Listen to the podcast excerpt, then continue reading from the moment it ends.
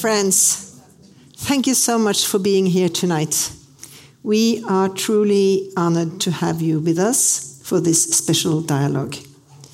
We are here to listen to Bassam Aramin and Rami Elhanan, two fathers who have experienced the incredible loss of a child, but then still found common ground in the work for peace. The ongoing conflict between Israel and Hamas in Gaza has resulted in catastrophic suffering for the civilian population, and hope seems distant. We hope, however, that the powerful stories and inspiring achievements of Bassam and Rami can provide a source of hope, inspiration, and a deeper understanding of humanity's capacity for dialogue and reconciliation. Bassam, a former Palestinian freedom fighter from Hebron, and Rami, an Israel Jew from Jerusalem, have both endured the unimaginable pain of losing a child. But instead of letting grief turn them into enemies, they discovered comfort and strength in coming together, forging a bond of friendship and collaboration in their shared mission for peace and dialogue. Together, they have dedicated their lives to promoting peace between Palestinians and Israelis through the organization The Parent Circle. This is a group of Israeli and Palestinian parents who have lost children in the conflict. It seems almost uh, ununderstandable, but the friendship is a living testament to the transformative power of empathy and compassion, challenging us to envision a world where peace and reconciliation are not just dreams, but achievable realities, if the involved parties dare to embrace forgiveness, understanding, and dialogue over revenge and division. And this is something we at the Nobel Peace Center hold very dear to our hearts. Dialogue is a fundament for peace. And we think that dialogue actually can change the world. Based on testaments from many of the Peace Prize laureates, this book is a little collection of eight principles needed in order to, uh, to create dialogue. So I think we will have all of these eight principles um, talked about over, over the course of the next hour. Considering the horrors unfolding in Gaza right now, insisting on dialogue as a solution may seem naive. Yet history stands as proof, as proof again and again over the power of dialogue over conflicts as the cornerstone for last, lasting peace. This event is made possible in collaboration with godgave.no, or is it godgave.no? It's a nice uh, double meaning there. and the Norwegian chapter of the Women's International League for Peace and Freedom. The dialogue will be moderated by the Nobel Peace, Prize, Peace Center's dear friend, philosopher, and former member of the Nobel Peace Committee, uh, Henrik Syse. Um, and uh, he aims not only to enlighten, but also to inspire us uh, to support a more peaceful world. So, with that, let me welcome uh, Henrik Syse uh, on the stage. You will be the master of dialogue tonight, and um, you will also introduce our esteemed guest. Give them a big hand.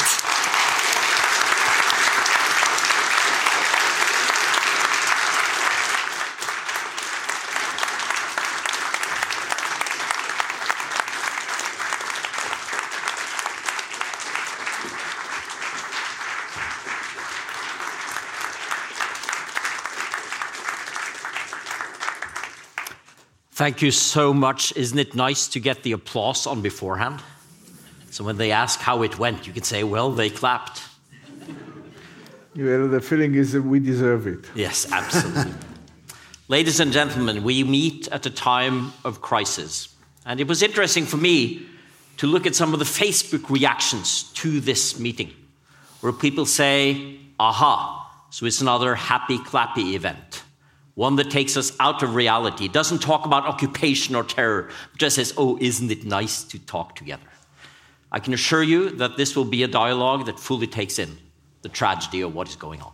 We are not trying to deny for a second that these are extremely difficult questions. And they are also questions that agitate people. I know of people who find it hard to speak to each other, even if they're not Palestinian or Israeli, but because they have different sympathies and because they feel so strongly about what is going on. So that is the backdrop for our conversation as well. We are not trying to escape anything, but we are trying to talk about how important it is to meet each other as human beings in the midst of that. So, the background story is, as Kjersti has already pointed out, thank you very much for your introduction, a really strong one. It's about two grieving parents who believe that grief is also something that unites us. And it's also about unlikely friendships. I love that term. I have a good friend of mine back here in the audience who is a Palestinian artist who has worked a lot with Israelis through the years. That's extremely hard right now, but who has forged some unlikely friendships. And the day that we do get to a point where we again can talk about peace, those friendships must be there as the foundation of what is to come. So it's a great honor for me to have Bassam and Rami up here. And I thought I'd start with just some pictures, and you can tell a little bit about the background. I'll start with our friend Bassam here. Up there, we see uh, your family some years ago. And uh, tell me, who is it we are seeing in the picture there? Yeah, this picture, this is me and my wife when I was a little bit ugly. uh, my four kids, I have six kids, they are not in the picture. Uh, Arab now is 30, Arin is 29, Abir supposed to be 28, mm. and Muhammad is 25. And uh, Rami, tell me about this wonderful picture right here. This is uh, my wedding. The year is uh, 1976. I was just out of the army. My lovely wife, she fell in love with me, or I fell in love with her. It's still to be decided. And we had uh, four kids right after it. And of course, two of those kids we will be seeing right now. Abir, whom you mentioned, died in 2007. Smadar in 1997. The latter killed by two suicide bombers. The former killed by. They, they murdered, not died. Yeah, that's yeah. just it. So, this terrible background of actually having one's children bereaved from you, taken from you in such a tragic circumstance, to most people that generates a lot of anger Bassam, let's start with you. Your anger at this happening, how have you managed to transform that into something that is also constructive? You know, it's the most difficult uh, a tragedy. It could happen to anyone else, especially Abir was 10 years old. She don't know anything about the conflict. She's not part of the conflict. It's by chance because she is a Palestinian. Uh, I am angry. I still angry up today. I will continue to be angry forever because it's my heart, it's my, my daughter. But it's how to use this anger. For more revenge, for more killing, you are not going to solve any problem. Mm. Instead of to uh, build more graves, I decide in her memory to build more bridge towards the others, towards the other side. And mainly because I love my children because I don't want my other five kids to grow up as, as victims to the victim who killed my daughter. I call him a victim. Mm. And I said to him, You are not a hero, you are not a warrior. You didn't kill the enemy or the terrorist. You just killed 10 years innocent girl. And if you think and you are proud of what you did, you can enjoy your crime. And if you come even to ask me to forgive you, you will find me there but it's not because of yourself at all. It's because of myself. Because I really love my daughter very much. And because I have another five kids, I don't want them to grow up as victims to this victim. Mm-hmm. And of course, what we are seeing right now are so many more families experiencing exactly this. Let me ask you one more question, because I started by talking about some of the reactions that we see to meetings like this right now. How were the reactions from your family and friends when you started being engaged in Parent Circle? You know, in fact, I started to be active uh, uh, two years before I lost my daughter. Two years, I was one of the co founders of a group called Combatants for Peace, which is ex Israeli soldiers and officers who refuse to serve in the occupied territories, and ex Palestinian freedom fighters or ex prisoners. Uh, Ram's son was among the Israelis. This is how I got to know this noble enemy in 2005. I think he fell in love with me since we met. Uh, It's true. we discovered that we share the same values. Uh, uh, we care about the Israelis and Palestinians as human beings. We love our children. We want everyone to live free and dignity and peace. So we become a very close friends. In general, the Palestinians uh, they respect their ex-fighters. So I suppose to be ex-fighter because I spent seven years in jail only. I never harm anyone. But because I spent seven years in jail, so I become a fighter. I lost my daughter, so people respect me, even the people who don't agree with me. And I live under the same conditions.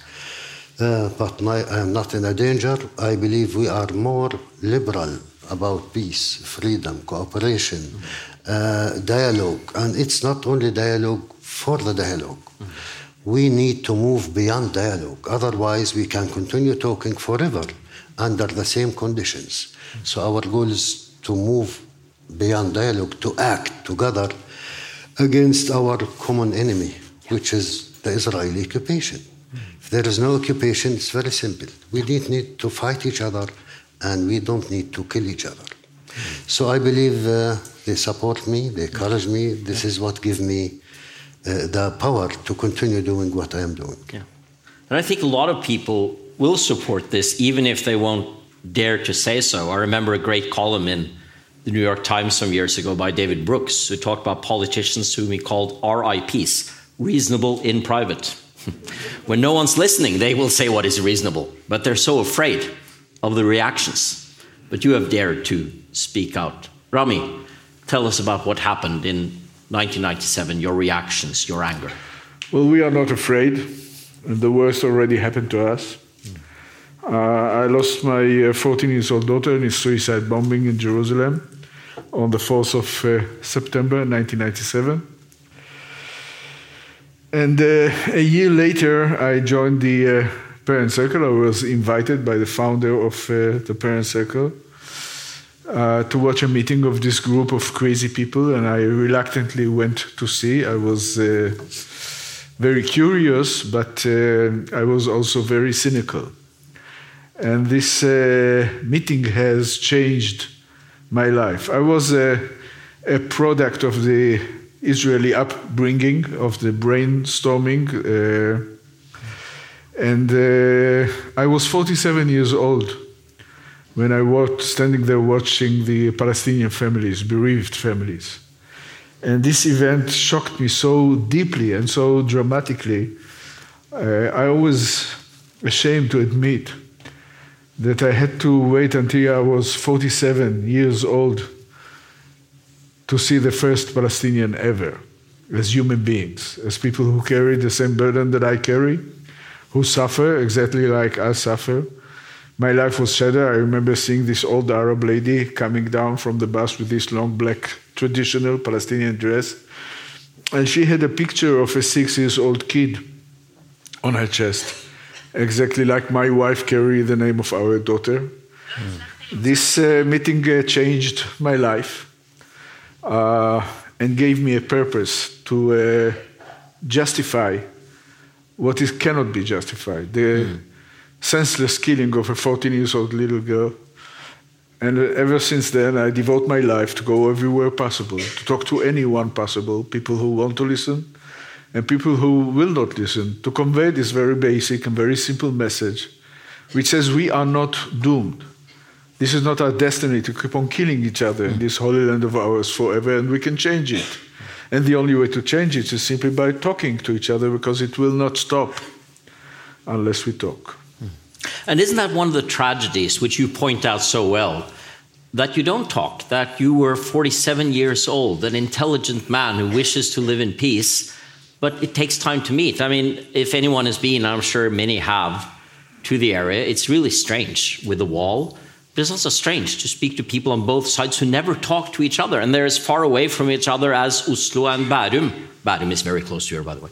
Uh, and it's like, why? why? Why don't we? Why don't we meet? Because we are two societies at war. We need to prepare the young generation to be able to sacrifice themselves when time comes.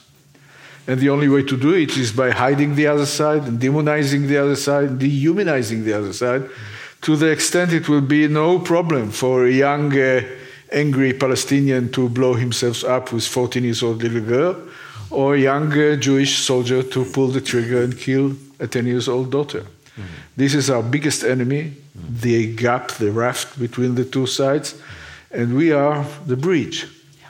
It's our mission in life to show our both societies that there is another alternative. And of so course, that's yeah. We, please, we don't meet each other as human beings because we don't see each other. You know, for the Palestinians, the Israelis or the Jewish that we met, it's the Israeli soldiers. Those are the representatives of the Israeli society. And the soldiers, for us, they are not human beings. They are not normal human beings. For us, they come to occupy us, to kill us, to humiliate us. So there is no dialogue between us. And when we have the opportunity to meet as human beings, this is the result. We discover the humanity in each other. You discover that your enemy is exactly like you, but in a safe place, in a safe space, without oppression, without occupation. Mm-hmm. And that realization for me in my travels in the Middle East has come also through such things as art, music, food, the sharing of that being with Israeli and Palestinian friends in Ramallah, sharing food. But obviously, we know that something has changed. I mean, it has been difficult for 25 years. But after October 7th, this day, it's strange because some of my very best friends happen all to have their birthday on October 7th. So to me, October 7th has always been a good day. Now, it symbolizes something that's broken apart. Bassam, tell me about your feelings about before and after October 7th, 2023. Uh, you know, it's always difficult. Even we share some food, we talk to each other 75 years. It didn't start at the 7th of October. This is the occupation continue for 75 years. You need to understand that it's not a big honor for a Palestinian to share food with an Israeli or to be a friend with an Israeli. What's the meaning of friend? They occupied us. This is the relationship. Uh, you know, the, if you talk to the Palestinian, they will start to talk to you about the 8th of October. 7th of October, it's another event for us. This is our life uh, for decades, as I said. Mm. And uh, it didn't start in the 7th and didn't end in the 8th of October. Of course, I remember the same day in the morning, and we talk about it decades before, that one day it will blow up in our faces. You cannot continue occupying another people and expect nothing will happen. So in the, in the morning of the 7th of October, I called my brother Ram in the morning after I watched the news, and it was like a joke for me. So I said to him, Rami, it's our turn to occupy you now. Prepare yourself, bring Nurit and the kids, and come to my house in Jericho because I will protect you. Then after that, during the day, we discovered that it's, it's not a joke. It's a big attack. Uh, uh, in the same time, we understand from the beginning that we are going to pay the highest price. Even I said, when we arrived to 15 to 20,000 Palestinians, then we will start to talk about ceasefire. And I was very modest. It's more than 35,000 people have been killed. So from the beginning, as Rami said, it's like everything destroyed around us. Two decades we are working together, but we decide to continue raising our voice like nothing has happened because this is our belief. And in the end, this is what Mahmoud Darwish said tomorrow the war will end. and the leaders will shake hands. And this old woman will remain waiting for her husband to come back. And this sister will remain waiting for her, her brother to come back. And those children will remain waiting for their uh, father to come back. I don't know who sell the homeland, ours or theirs, but I saw who paid the price. We paid the price. So we start to raise up our voice from the beginning that we need to stop this massacre now and go back to talk again in order to Israelis need to recognize the Palestinian right of self determination. Otherwise, as long as the occupation continue, even another 3,000 years, unfortunately, we will continue to sacrifice the blood of our kids from both sides. We must be free, then we can talk. How does this look from your yeah?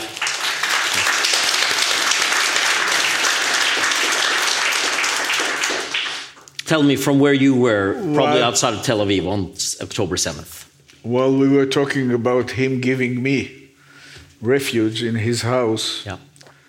The scale of the uh, tragedy was revealed. My wife was in the other room talking to her cousin in Kibbutz Be'eri, and uh, she described to her what is going on from the uh, sealed room. And Bassam is right. The uh, feeling is that everything collapsed on your hand. That everything, uh, whatever we worked for, is ruined, and we have to start all over again from the beginning, as we never did anything through the last 20 years. But after the first shock melts down, you open your eyes, and you don't look at this event through the little keyhole of the last event. You try to rise up above uh, the uh, current situation and understand that the Hamas fighters that did the massacre on October 7th were uh, 10 and 12 years old kids in 2014 when the IDF uh, launched these strikes on Gaza. And you immediately think about the relatives of those 230,000 killed in Gaza. What, when will be the next 7th of October? And how long do we have to wait and what will be the price that we'll pay? So it was crystal clear that we, using our moral obligation, using the message that we have to do, we have to rise up and tell our both societies we have to stop this madness. We have to stop this madness now because Hamas will not be eliminated. I don't know what will happen with the hostages. One day we will wake up and see that nothing have happened. There is no victory. There is no total victory ever anywhere. And the price is really too high. And we need to be able to understand both societies that we are not going anywhere. That we are here to stay. The Israelis will not throw the Palestinians to the desert, and the Palestinians will not be able to throw the Israelis to the sea. We need to share this land as one state or two states or 10,000 states. Otherwise, we will share the graveyards under it.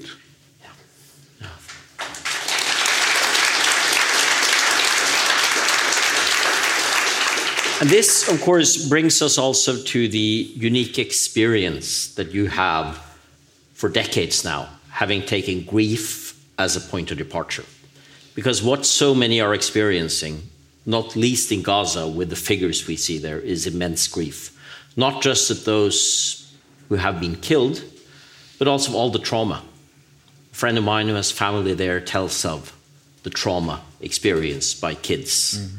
having gone for months fearing that they will be blown up.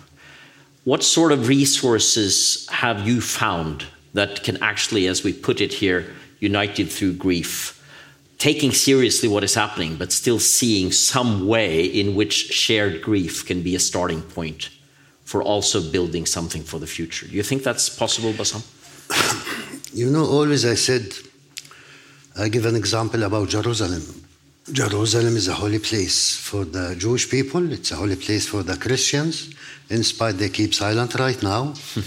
It's more than holy for us as Muslims. We call it the capital of the sky or the key of the sky, the widest city on earth, because we believe the paradise will be in Jerusalem.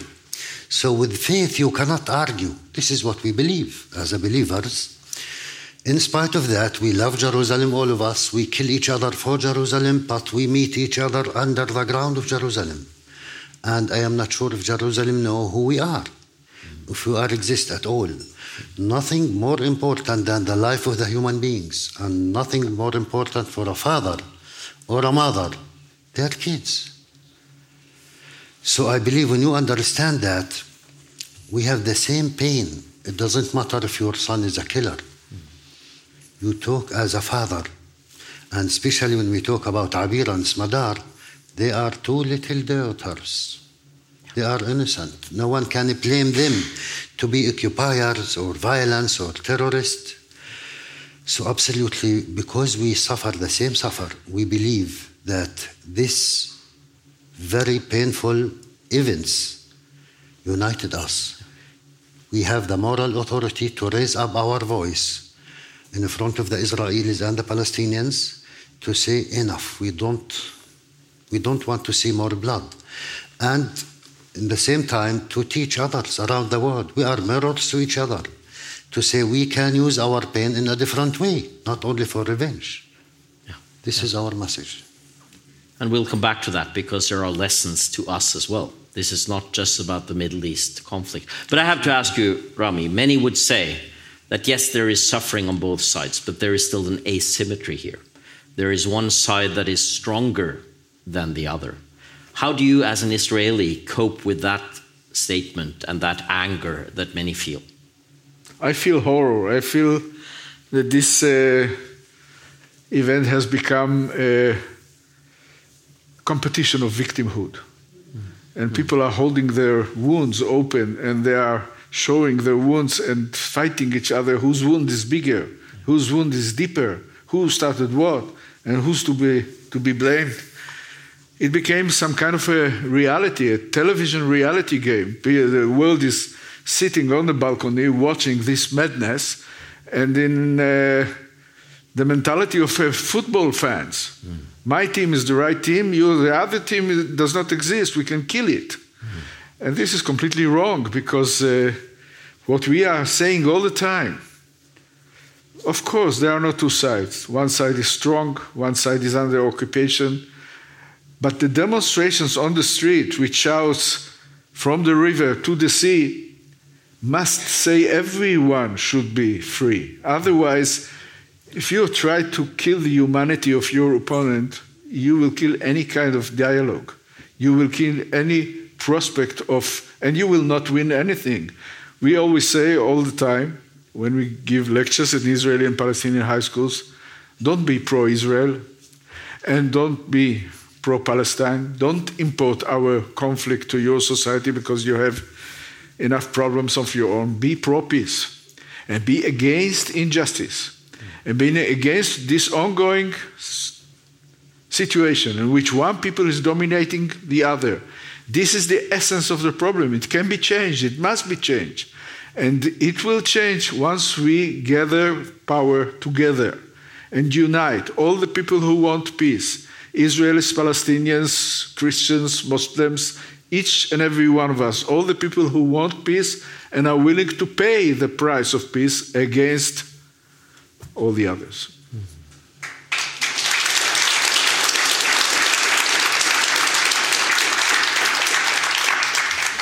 It's very interesting what you say about victimhood, because as you know, Kjersti, I've uh, uh, had some fantastic opportunities to meet some of the Nobel laureates. And during my time in the Nobel Committee, one of those who made the most impression on me out of a group of fantastic people was Juan Manuel Santos from Colombia, because in the way in which he centered on the victims of 50 to 60 years of civil war, he lifted them forth, but not primarily as victims, mm. but as the real recipients of yeah. the Nobel Prize.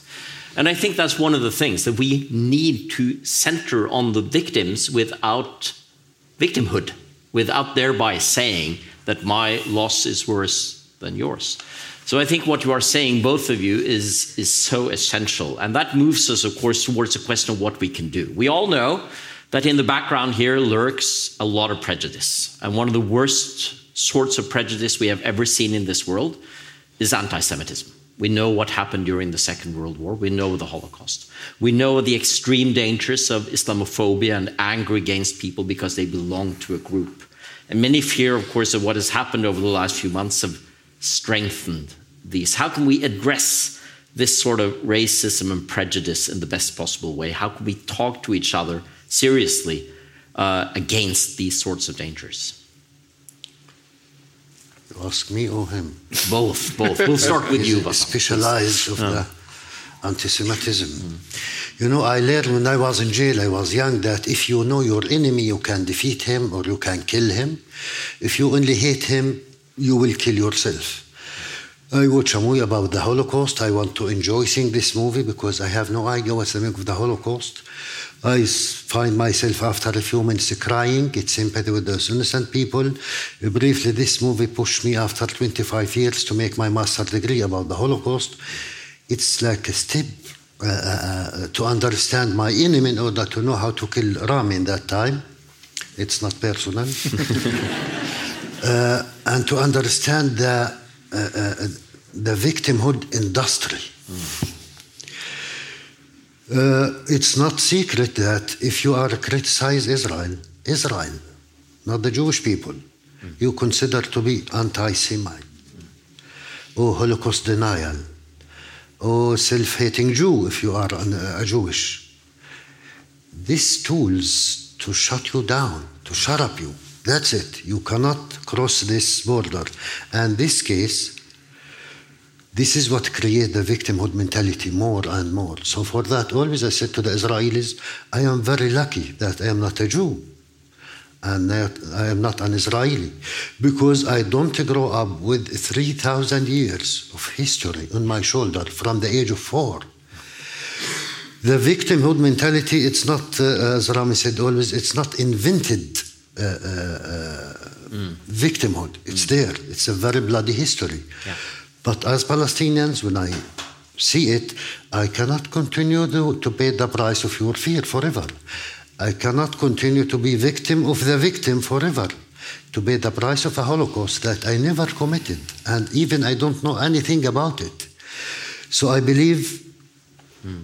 uh, we this is what happened to us. We release us from the victimhood mentality. Mm. We are not victims because as long as you feel as victim, you think you need to do anything, and always sometimes you have, and at the same time to feel guilt.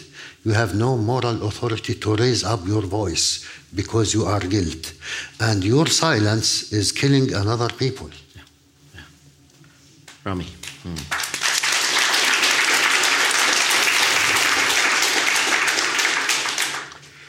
You ask what you can do.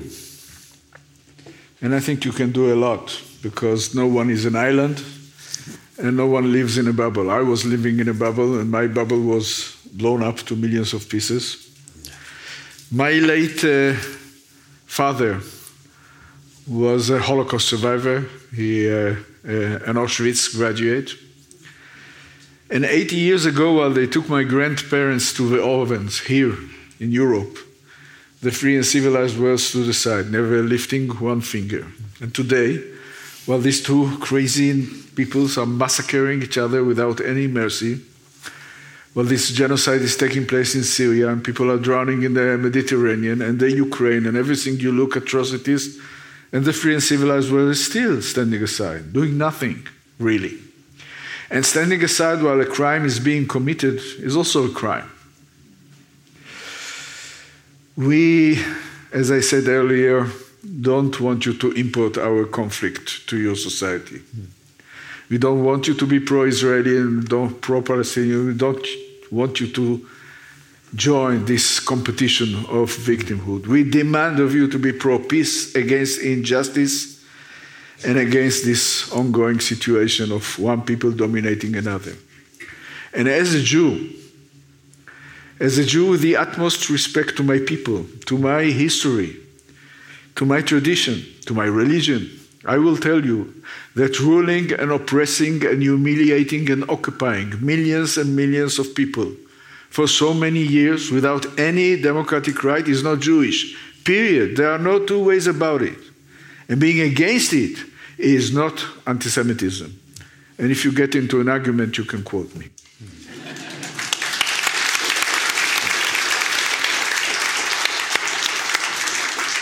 So please write his name, Rami Elhanan, because you will argue a lot. There you go.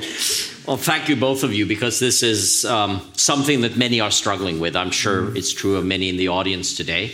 I speak to teachers in schools who really struggle. They find it hard to talk about these things. And I think what you are saying here is not an attempt at denying that there are problems. It's taking those problems really seriously. It's taking the killing really seriously. But because of that, finding this sort of dialogue. But it leads me to a question. By the way, we are going on until about seven o'clock. In about seven or eight minutes, I will open up for the floor if anyone has any questions. But I thought I'd ask a little bit about what we can broadly call the peace movement in your societies, because there used to be something, remember, called that. And uh, as I already briefly mentioned, I have some good friends in the audience who have done fantastic work through the years on bringing Israelis, Palestinians, Jordanians together in various ventures, having to do not least with music. If anyone wants to look up The Pursuit of Harmony or uh, My Favorite Enemy on uh, Spotify, you will find some wonderful things. And they find, of course, through this work that they forge friendships, just like the two of you have. And they learn about each other. For instance, how close the languages are, how many hymns or psalms in Hebrew can be translated into Arabic, and you realize we are saying so many of the same things. But of course, talking about that right now, on February 26th in 2024, is hard. Where, where is the peace movement? Where are the people in your societies who really want to see a way out of this that is peaceful? I can start with you this time, Rami. Thank you. Oh. This is really painful. painful and tragic. The peace movement in Israel died the day Ehud Barak came from back from Camp David with the slogan, "We have no one to talk to. We have no partner. There is no one to talk to. There is nothing to talk about." It's very convenient not to have anyone to talk about because then you don't have to give up anything. And the basic of all negotiations is about the ability to share and to give up. This was the beginning of a, a tragic event. The second Intifada killed the Israeli left completely. And ever since then until today, uh, they are trying to uh, come alive. There are blossoms of uh, little flowers everywhere. There are movements like uh, Combatants for Peace, like the Parent Circle, like uh, Breaking the Silence, Yeah. like Standing Together, like Women Wage Peace. Many, many, many Israelis are part of this effort to breathe some air and to show some uh, some kind of hope. And these are all oppressed by a fascist regime in Israel, which its its business is to kill these uh, flowers before they blossom. Uh, they are afraid of us.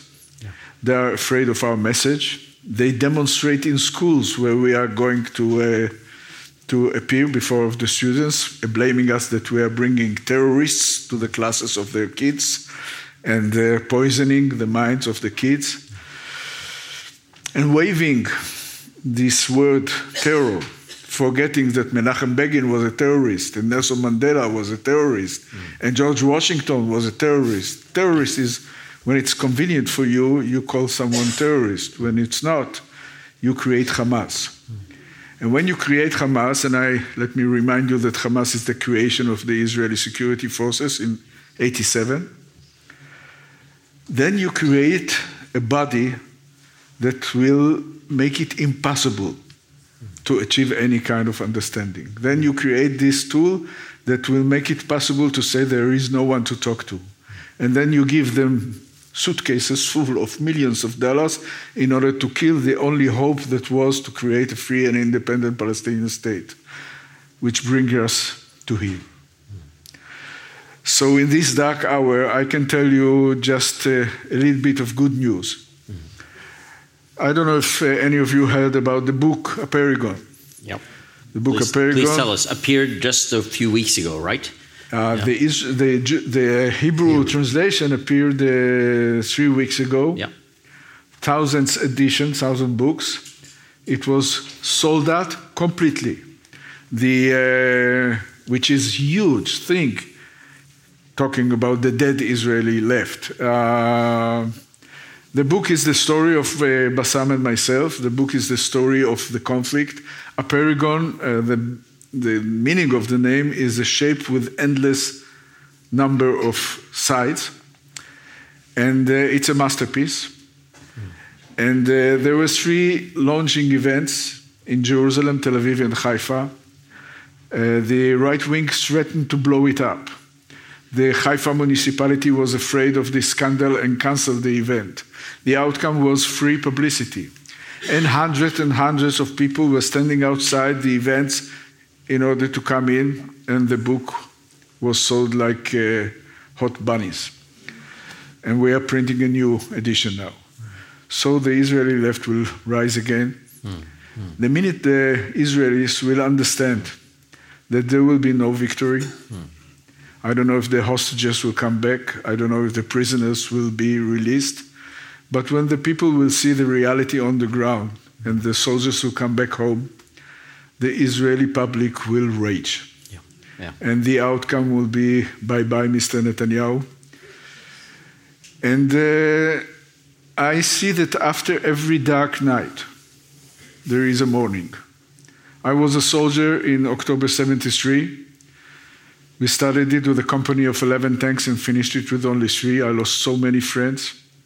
Five years later, there was a peace agreement between Egypt and Israel, and uh, 50 years of quiet in the Israeli Egyptian border. I believe that this is the beginning of a new dawn. I believe that once the Israelis and the Palestinians will understand that we are here to stay and no one is going away, we'll have the ability to uh, turn a new page and have a restart, like in a computer. We have to redefine the reasons that we are willing to kill for and the reasons that we are willing to die for. Hmm. And this is one word. The word is respect. You have to be able to respect the guy next to you exactly as you want to be respected. No more and no less. Once you achieve, once you achieve this, everything is possible. And we will have uh, peace. I have no shred of doubt about it. Thank you.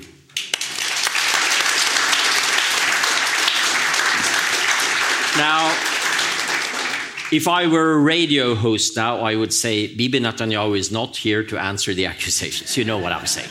Of course, these are controversial things, but I also think you are expressing the view of many.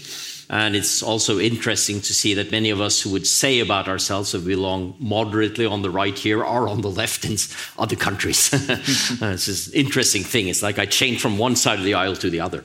Uh, but we'll leave that politics aside, although what you are saying, of course, is extremely important as a picture of the real debates in Israeli society. Before I ask if there are any questions from the audience, and you said that you love difficult questions, uh, what about uh, on what you can broadly call the Palestinian side, the belief in a peace movement right now, that it's possible to re erect that? Is that belief there at all? Let, let me just one tell you an anecdote before he answers. When the, our film was screened in Tel Aviv, uh, some woman rise up and say, Bassam, do you think they will have the courage to screen this movie in Ramallah? And he looked at her and said, Are you crazy? It's full of Arabs. So I, I think this is the answer. Yeah, yeah, yeah. You know, the same president that elect Abu Mazen, Mahmoud Abbas, which he don't believe in resistance, not in, in violence. Next year they elect Hamas, including Palestinian Christians, not Muslims. It's not the same situation. We are under the occupation. And it's enough what the Palestinians think that we give. We give 78% of Palestine. We accept it. So I believe uh, uh, if there is a hope, the Palestinians, I remember when I support Oslo Agreement. Yeah. 30 years ago, and in that time, most of the Israelis and the Palestinians, they support this agreement. We went everywhere. We can see the Israelis in our cities, in the restaurants. So we have hope that finally we start to live in peace. If the Palestinians have a peace process, hope, it will lead to their state, the mass majority are left. Hmm.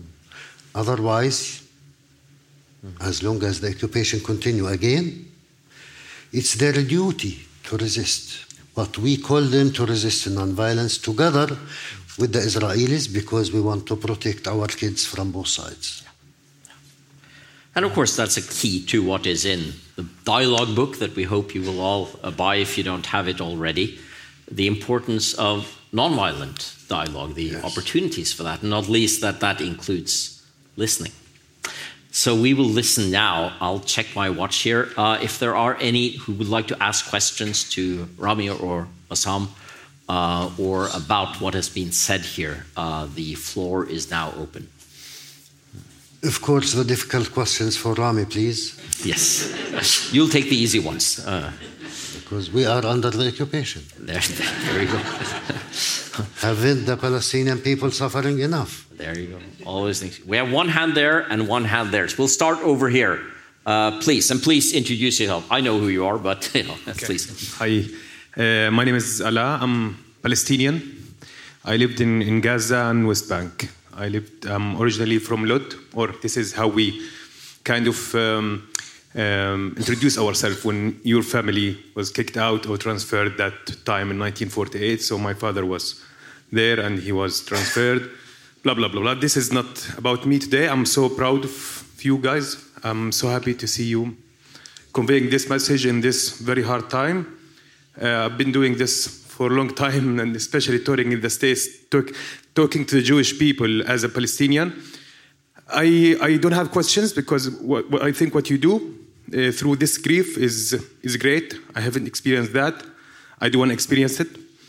Uh, but I want just to maybe I have a comment highlighting a little bit about the leadership role.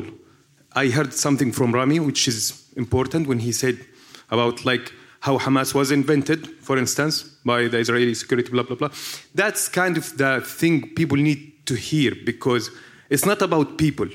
People in both sides, I don't think they are they were born as criminals. They look for forward to find peace and to find comfort zone, to live safely.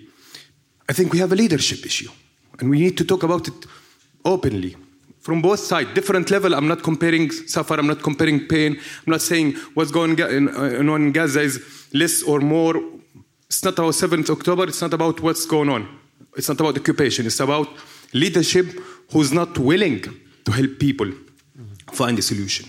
You were in a bubble, maybe also um, Bassam, but was that was part of the the, um, the leadership thing. When Ehud Barak came, he said, "Okay, there is no one to talk with. Why?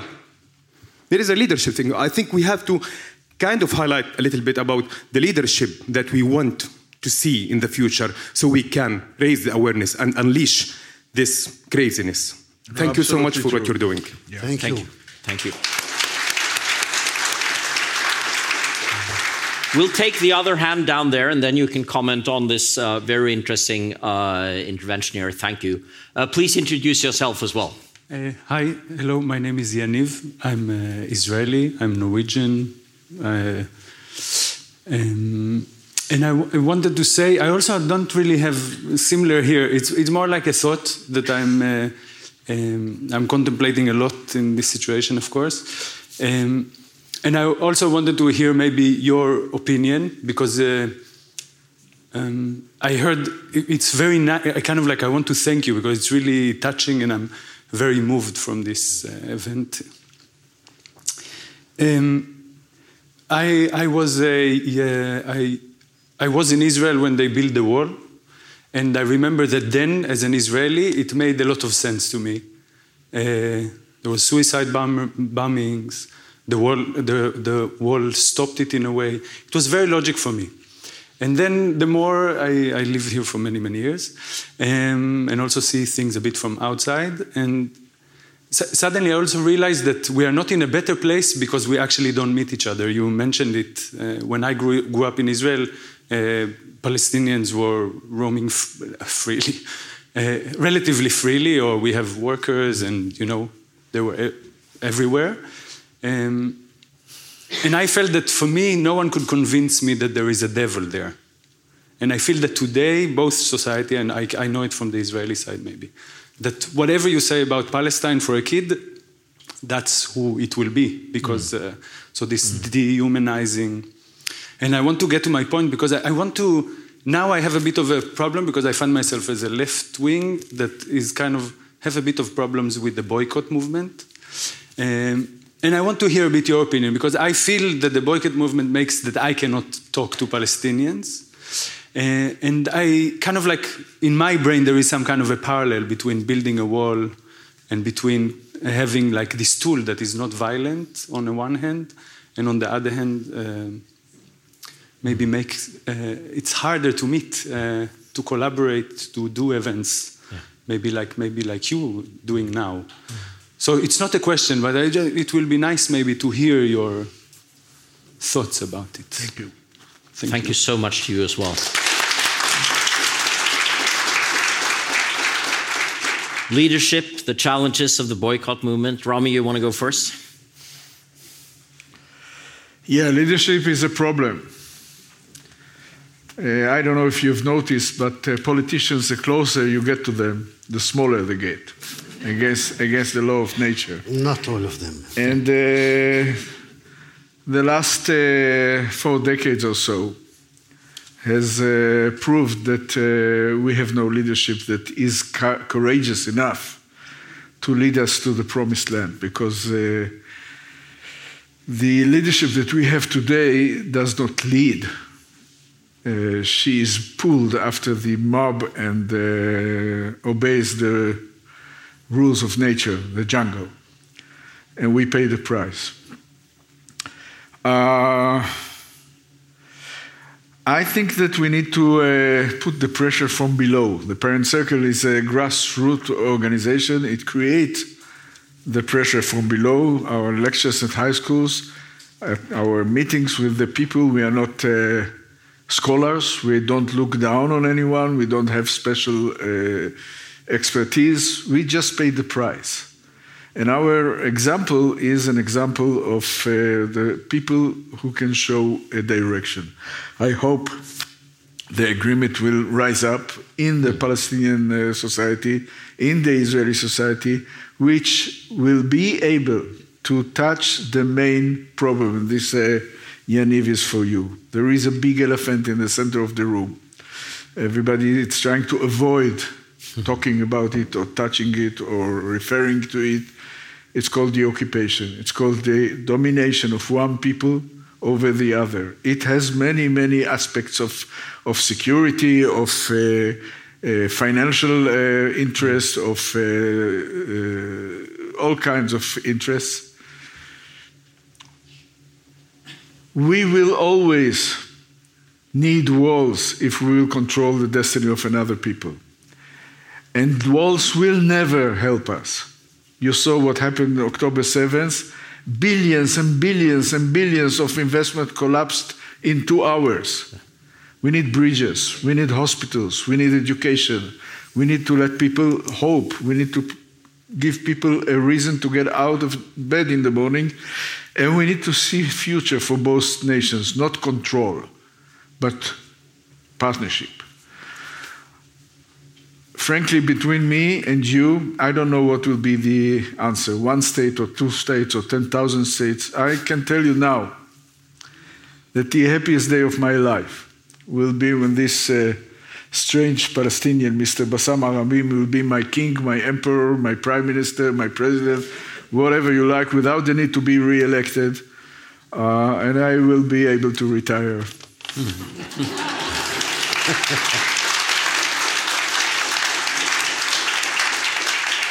I, Hassan, I, please. I wish I have time, but I want to, in fact, one day after peace, to move and settle in Oslo. More than welcome. And of course, Rami can enjoy being with the Palestinians and Israelis and make peace as he like. In fact, I agree with you word by word. You better. This is what this is what we say always. Uh, uh, when they ask me about the separation wall, people are scared in Israel, the suicide bombing. So I said, I am not against. They can build another 10 meters higher, which is 10 meters already. If you think it's protect you, but build it in your garden, not in my garden, not in my land. And we can see the evidence absolutely. They, they, they invest in billions with the separation wall uh, technology, especially between Gaza and the Otef. And the result was it's unbelievable. It's the same when I talk to the Americans. 20 years, they invest in 41 billion dollars to create the most strongest Afghani army. They collapse in five days and they never fight. Imagine if they invest in the same amount of money to build Afghanistan, those billions to build Gaza. If you build your security in controlling the others, you will never feel security until I feel security. You will never feel free until I feel free. It's very simple, but again, it's built on many, many elements, not only the fear or the victimhood mentality. And unfortunately, it's not only up to the Israelis and the Palestinians, it's also the world who talk about occupation and terrorism, for example. If you talk about occupation, you need to talk about resistance. Uh, if you talk about human rights, it's for everyone. Democracy for everyone, not only for the Palestinians or only for the Israelis. The whole world believes in two-state solution. This is what we hear from the politicians. We already have one state. Where is the other state? Why you don't recognize the Palestinian state? So, because you create Israel as the United Nation, the United Nation need to recognize the other state that they decide.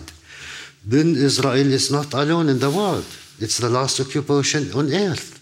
They need to understand that without a political pressure from the world, the international community. It will never happen because for me it's perfect to see people demonstrate, raise up their voices to stop the uh, uh, the genocide, the massacre, the war, the mass killing, whatever you call it. And it's remind me with the difference between democracy and dictatorship. Hmm. Hmm. You know, dictatorship, shut up. Democracy, they said you can't shout to the morning.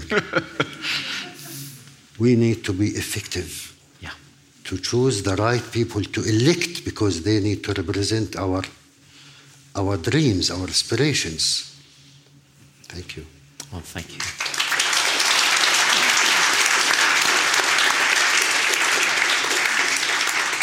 Dear friends, it is fitting that we meet in this room. I'm sorry we are uh, going towards the end of the time. They will stay on a little bit longer afterwards, so you'll have a chance to talk to them. If you are very brief, I will allow one question down there, but you promise to be brief?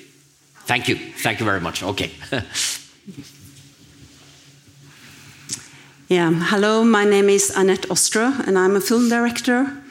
And I'm working with a very personal uh, documentary about my brother, who were killed as a hostage in Kashmir in India in 1995.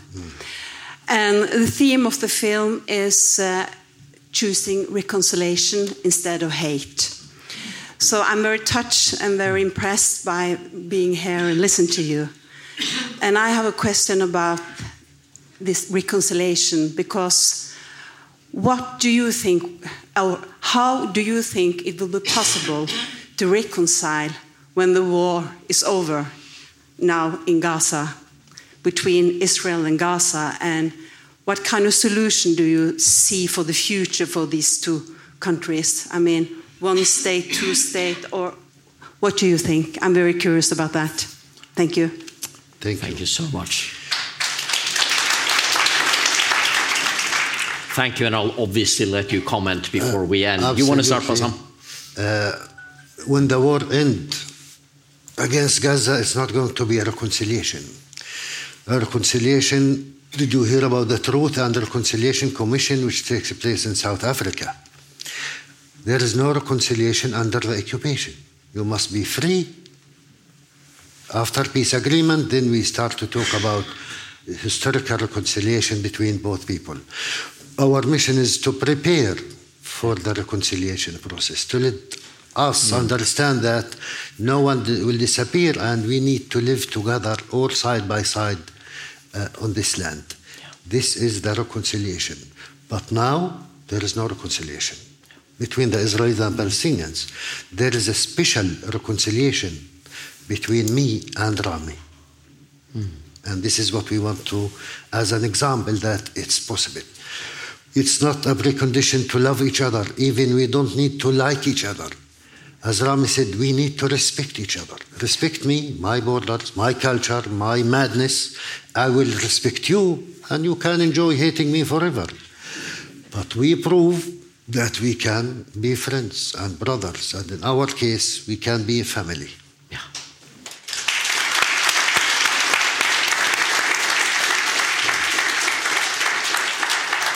Yes, Rami. Uh, I hear your story and my heart breaks. There are so many stories, thousands and thousands of stories of people who pay the highest price possible, of people who carry on their backs burdens which are inhuman, and has to make a choice. There are only three ways to deal with bereavedness, with this uh, enormous uh, anger and pain. One is the automatic one, is what most people choose, the way of revenge and retaliation, which creates this endless cycle of violence that we are now in the midst of it. And they unfortunately are prevailing now when the blood is, is boiling. The other group, which is the largest group, is the vast majority of the bereaved families. They die slowly with their pain. They sink very slowly to the desperation. And uh, there is nothing you can do to help them. And the minority is people like us who uh, take this pain to a place of uh, understanding, of working together, who are translating this pain. You should understand that this pain has the energy of a nuclear weapon. This pain stays with you 24 hours a day, 59 seconds out of every minute. It never goes away. This is one wound that will never heal. The only question is what do you do with this nuclear energy? You can use it in order to bring darkness and destruction and pain and death to people. And you can decide that you can use it in order to bring light and warmth and hope. And it's a decision of the victim to say that I'm a victim, but I will not use my victimhood to victimize others. Hmm, this is the only way. Hmm.